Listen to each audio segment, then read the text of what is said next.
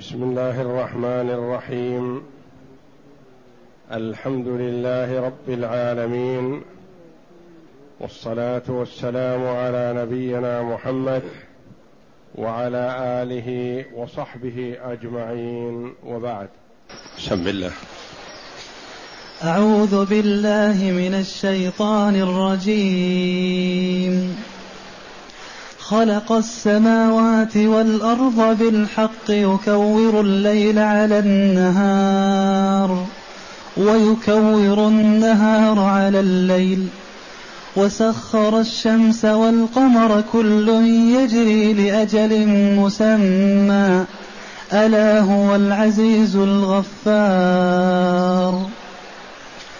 خلقكم من نفس واحدة ثم جعل منها زوجها وأنزل لكم من الأنعام ثمانية أزواج يخلقكم في بطون أمهاتكم خلقا من بعد خلق خلقا من بعد خلق في ظلمات ثلاث ذلكم الله ربكم له الملك لا إله إلا هو فأنا تصرفون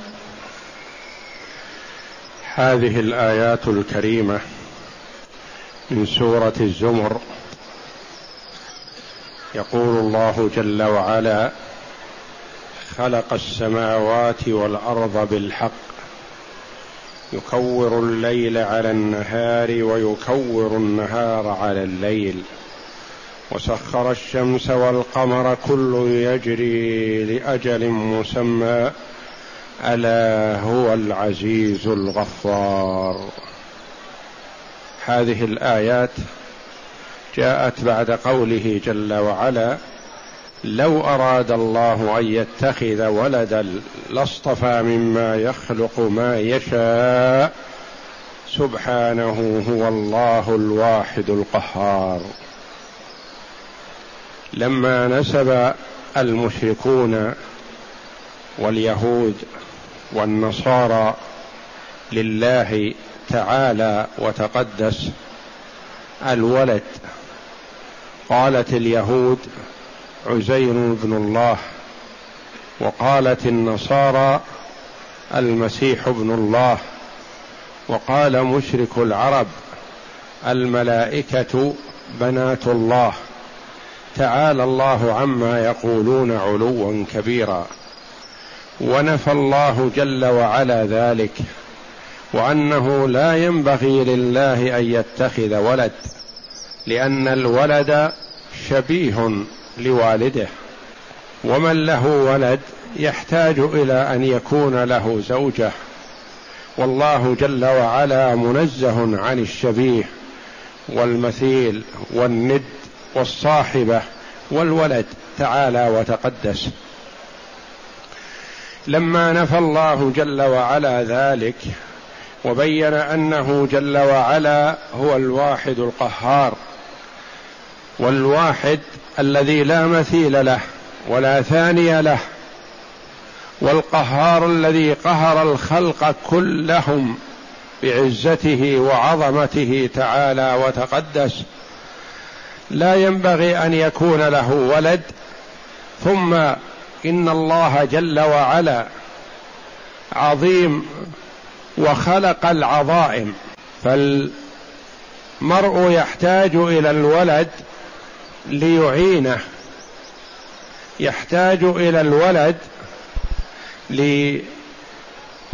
ليساعده وليقضي حاجته وليخدمه في حال كبره ونحو ذلك. وأما الله جل وعلا فهو منزه عن ذلك وهو العظيم. وخلق العظائم جل وعلا. خلق السماوات والأرض. خلق السماوات والأرض. هذه الأجرام العظام خلقها الله جل وعلا. بالحق لم يخلقها عبثا ولا بالباطل ولا بدون حكمة تعالى الله جل وعلا. بل خلق السماوات والأرض بالحق بالعدل والحكمة لحكمة يريدها الله جل وعلا. يكور الليل على النهار ويكور النهار على الليل. يكور. التكوير في اللغة طرح الشيء بعضه على بعض. يقال كور المتاع بمعنى جمع بعضه على بعض. ومنه يقال كور العمامة أو كور العمامة يعني لف بعضها على بعض. فمعنى تكوير الليل على النهار تغشيته إياه حتى يذهب ضوءه. تكوير الليل على النهار يجعل الليل جل وعلا مغطيا للنهار فيذهب ضوء النهار.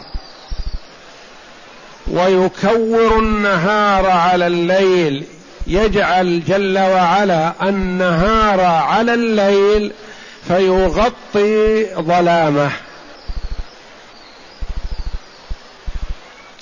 كما في قوله جل وعلا يغشي الليل النهار يطلبه حثيثا. هكذا فسر الآية قتادة وغيره رحمهم الله من المفسرين. قال الضحاك أن يلقي هذا على هذا وهذا على هذا. وهذه من كمال قدرته جل وعلا. وقيل في معنى الآية أن ما نقص من الليل دخل في النهار وما نقص من النهار دخل في الليل. وهو معنى قوله جل وعلا يولج الليل في النهار ويولج النهار في الليل. قال العلماء وينتهي النقص بتسع ساعات. ومنتهى الزيادة خمس عشرة ساعة. يعني أكثر ما يكون النهار خمس عشرة ساعة. وأقل ما يكون الليل تسع ساعات. وقيل في معنى التكوير يكور هذا على هذا بمعنى يلحقه ويتبعه أي متتابعة. يكور الليل على النهار يتبع. الليل النهار ويكور النهار على الليل أي يتبع النهار الليل.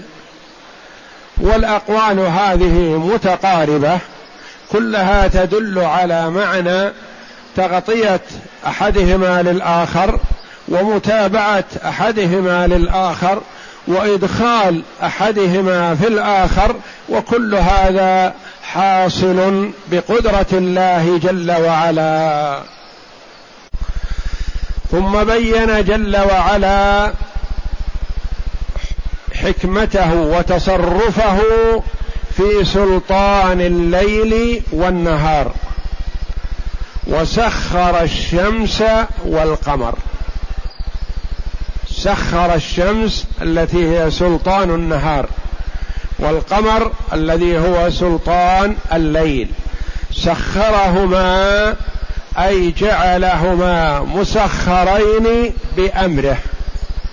يسيران حسب حكمته جل وعلا وفي مصالح عباده وفي منازلهما المحددة لهما.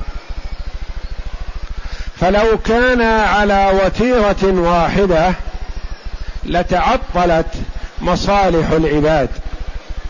ولكن الله جل وعلا بحكمته جعل لهما منازل تنزل الشمس في كل يوم بمنزلة لا تنزل فيها إلا بعد مرور سنة.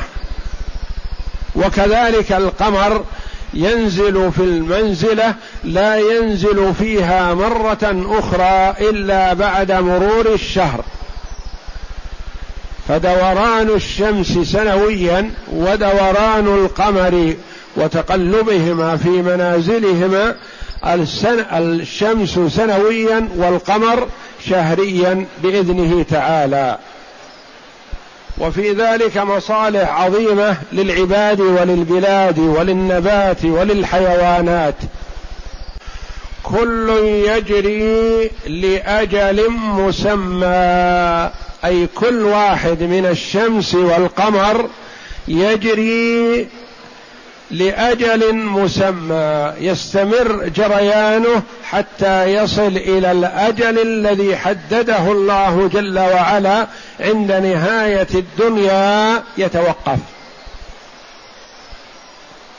فالشمس تجري في مجراها منذ خلقها الله إلى أن يأذن الله بزوال الدنيا.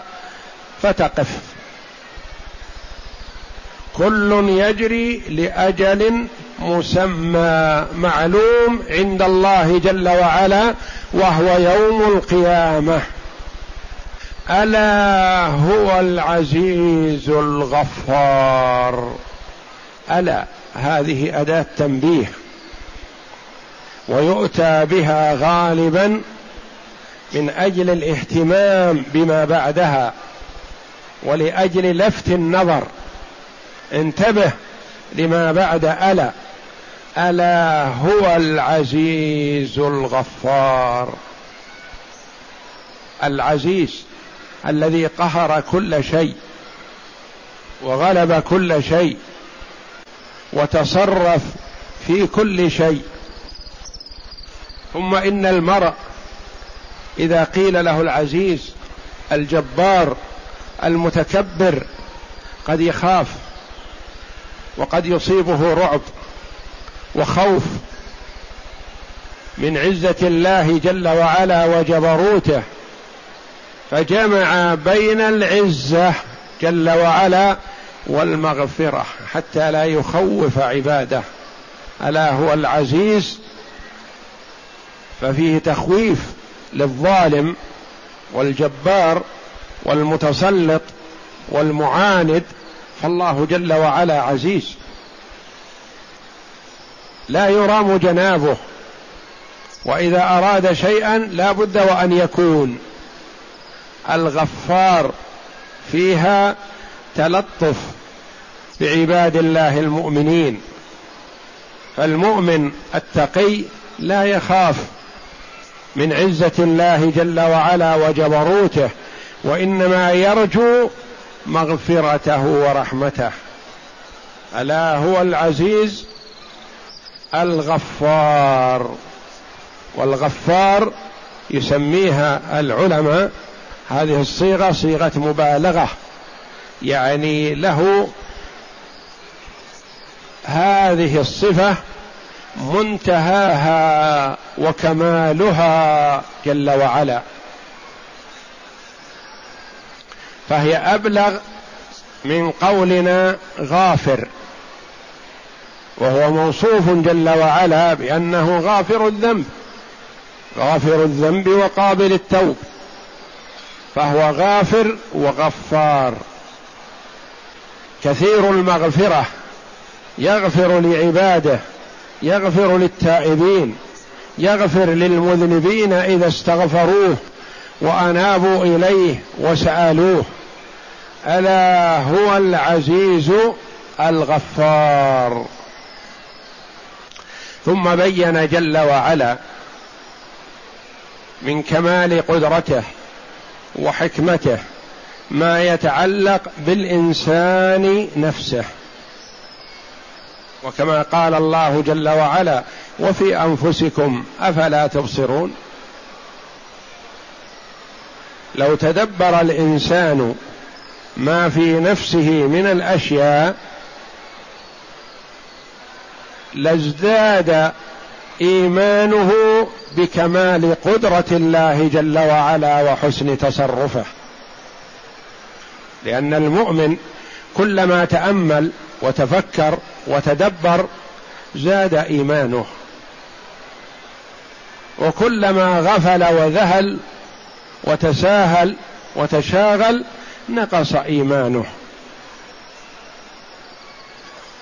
فقال جل وعلا خلقكم أيها الناس كلكم الأسود والأحمر والأبيض والأصفر العرب والعجم أصناف الناس الذكر والأنثى.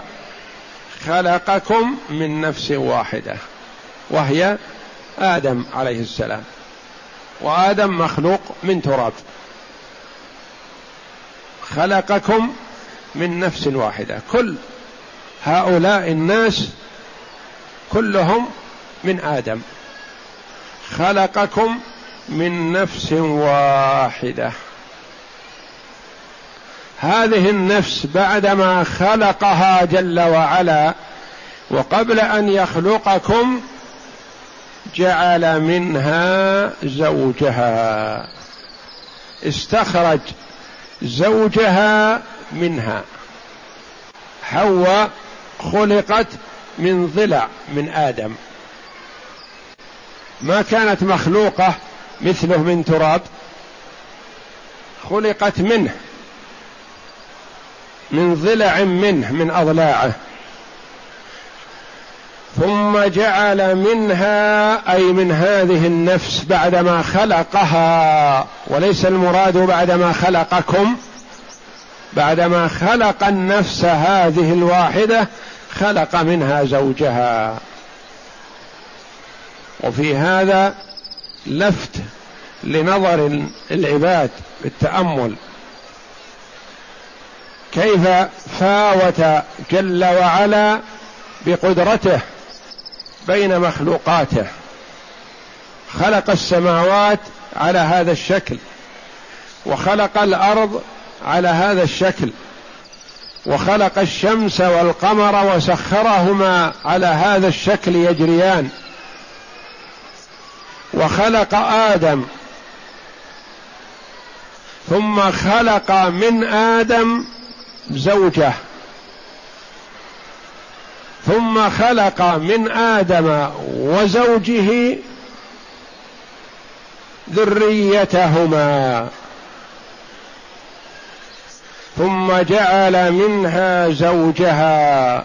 ثم دل على التراخي أي بعدما تم خلق آدم خلق الله جل وعلا واستخرج منه زوجه. ثم جعل منها زوجها والزوج كلمة زوج تطلق على الذكر والأنثى. فيقال عائشة أم المؤمنين رضي الله عنها زوج النبي صلى الله عليه وسلم. خديجة بنت خويلد رضي الله عنها زوج النبي صلى الله عليه وسلم. ويقال علي بن أبي طالب رضي الله عنه زوج فاطمة رضي الله عنها. ثم جعل منها زوجها والمراد بها حواء. وأنزل لكم من الأنعام ثمانية أزواج. وأنزل الإنزال يكون من أعلى لأسفل.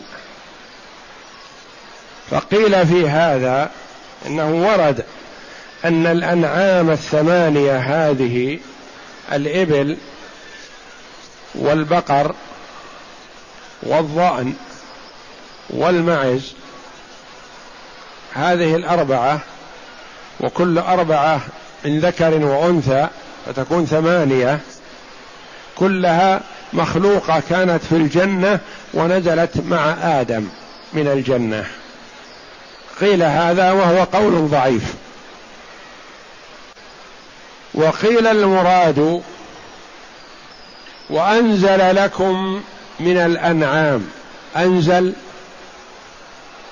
الأنعام لا شك المراد بها الإبل والبقر والغنم من الضأن والمعز وامتن الله جل وعلا بها على عباده دون سائر الحيوانات لما فيها من الفوائد ولما يتعلق بها من أحكام. ففوائدها كثيرة. الركوب الإبل والأكل والشرب من ألبانها والبقر للحرث والنسل والدر والغنم كذلك ففيها مصالح عظيمة ولها أحكام خاصة في أنها هي التي تجب فيها الزكاة.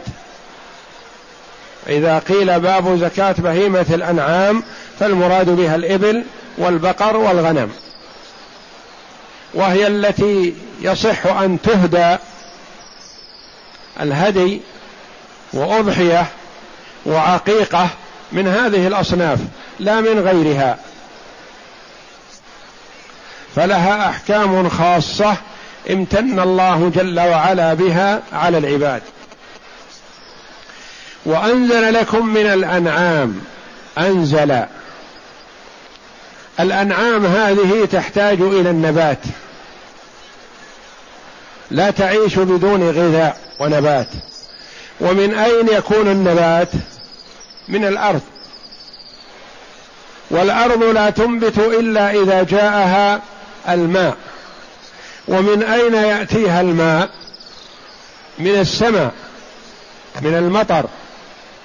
اذا فسبب سببها ينزل من السماء.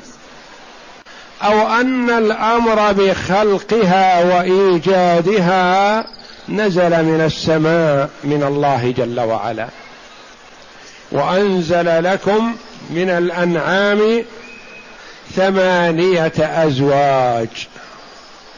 ثمانية المراد بها ما تقدم الإبل والبقر والضأن والمعز أربعة وكل صنف مكون من اثنين ذكر وأنثى فأصبحت ثمانية. وكلمة أزواج كما تقدم يطلق على الاثنين فيقال زوج ويطلق على الواحد فيقال زوج إذا كان محتاجا إلى زوج مثله. فيقال للمرأة زوج ويقال للرجل زوج. ويقال لهما معا هذان زوج يعني اثنان. ثمانية أزواج ثم لفت نظر العباد إلى مبدأ الذرية ومنشأها فقال يخلقكم في بطون أمهاتكم. الخلق هذا لبني آدم خاصة أو لجميع الأزواج والأولاد وال والتناسل. هذا للجميع. لكنه جل وعلا جعل الخطاب لبني آدم تشريفا لهم. وللعقلاء. يخلقكم أنتم وغيركم. في بطون أمهاتكم خلقا من بعد خلق في ظلمات ثلاث. هذا الخلق وهذا التكوين وهذه الأطوار من دون أن تمتد إليها يد ومن دون أن يكون لأحد فيها شيء. وفي هذا المكان المظلم وهذا المكان الضيق وظلمة فوق ظلمة فوق ظلمة في ظلمات ثلاث. كل هذا دليل على كمال قدرة الله جل وعلا. في بطون أمهاتكم مكان ضيق. خلقا من بعد خلق تقلب. ما يحتاج إلى أن يأتيه مادة تنقله من حال إلى حال. خلقا من بعد خلق. أول نطفة. ثم علقة. ثم مضغة. ثم عظم. ثم يكسو الله جل وعلا العظام لحما. يعني العظم يكون قبل اللحم. بعد المضغة يكون عظم. ثم بعد العظم يكون فيه اللحم بإذنه تعالى. ثم العروق ثم تفاصيل الأجزاء كبد طحال رئة كلية قلب عين أذن. المادة وحده والمنافع متعددة ومتفاوتة بإذنه تعالى. ذكر أو أنثى لفت نظر للعباد بكمال قدرة الله جل وعلا. خلقا من بعد خلق.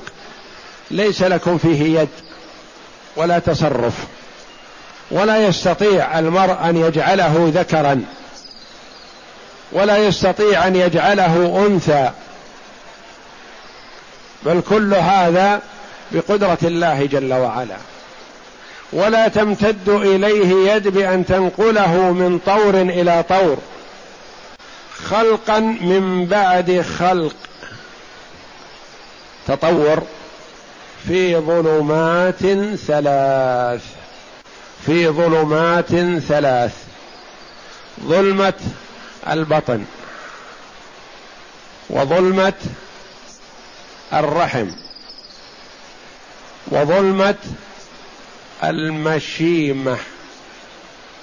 المشيمة هي الغلاف على قدر قولك يتيمة. مشيمة هي الغلاف الذي يكون فيه الجنين بالنسبة لبني آدم ويقابله في الحيوانات ما يسمى السلى سلى الجزور. الذي وضعه الكفار على ظهر رسول الله صلى الله عليه وسلم وهو ساجد. صلوات الله وسلامه عليه. المشيمة مثل يتيمة ظلمات ثلاث. هذا قول جمهور المفسرين أن المراد بالظلمات الثلاث ظلمة الرحم ظلمة البطن وظلمة الرحم وظلمة المشيمة. وقيل ظلمة الصلب صلب الرجل وظلمة البطن وظلمة الرحم. وقيل ظلمة الليل وظلمة البطن وظلمة الرحم. في ظلمات ثلاث. من الذي فعل ذلك؟ ذلكم الله ربكم. ذلكم. الفاعل لهذه الأشياء ذلكم الله. ذلكم مبتدا. وأين خبره؟ الله. خبر ثاني ربكم. خبر ثالث له الملك. خبر رابع لا إله إلا هو. أربعة أخبار جاءت لمبتدأ واحد. ذلكم فاعل هذه الأشياء. الله هذا الخبر الأول. ربكم الخبر الثاني. له الملك خبر ثالث. لا إله إلا هو. عن عبادة الله جل وعلا الفاعل لهذه الأشياء العظام السماوات والأرض والدقائق الخفية العروق واللحم والدم والسمع والبصر والحواس في ابن آدم ما تختلط بإذنه تعالى. دقة العروق وتغذية كل عرق يغذي شيء مخصوص من الجسم بإذنه تعالى. ومن أين تنطلق هذه العروق؟ وهذه العروق أنواع. عرق يؤدي وعرق يسحب بحكمته تعالى. فأنا تصرفون كيف؟ أين عقولكم؟ كيف تصرفون عن عبادة من هذا صنعه؟ إلى عبادة جماد شجر أو حجر أو طين أو تراب أو عظم. فأنا تصرفون كيف تصرفون عن عبادة الله جل وعلا المستحق للعبادة الذي هذا شيء من صنعه اطلعتم عليه أدركتموه في أنفسكم. فأنا تصرفون. كيف تصرفون عن عبادته؟ هذا هو المستحق للعبادة. للات ولا منات ولا ود ولا سواع ولا العزى الذي يقول أبو سفيان لنا العزى ولا عزى لكم. قال النبي صلى الله عليه وسلم ألا تجيبونه؟ قالوا ماذا نقول؟ قال قولوا الله مولانا ولا مولى لكم. شتان. العزى ماذا تفعل؟ ومنات ماذا تفعل؟ قبر أو حجر أو صخرة. فكيف تصرفون عن عبادة من هذا شيء من إيجاده؟ وتكوينه وتصويره جل وعلا. ومثل بالعظائم والدقائق الخفية. لئلا يقال إنه لأن بعض الناس مثلا ممكن يدرك أن يبني بيت كبير لكن لا يستطيع أن يعمل شيء بنحو الساعة وأدواتها الدقيقة. والله جل وعلا ضرب الأمثلة وبين كمال قدرته في العظائم والدقائق الخفية تعالى وتقدس. فكيف تصرف العبادة لغيره تعالى؟ فأنا كيف؟ استفهام توبيخ وتقريع فأنا تصرفون. كيف تصرفون عن عبادة الله؟ الموجد لهذه الأشياء وتعبدون من لا يملك لكم شيئا ولا يملك لنفسه لا دفع نف... لا دفع ضر ولا جلب نفع.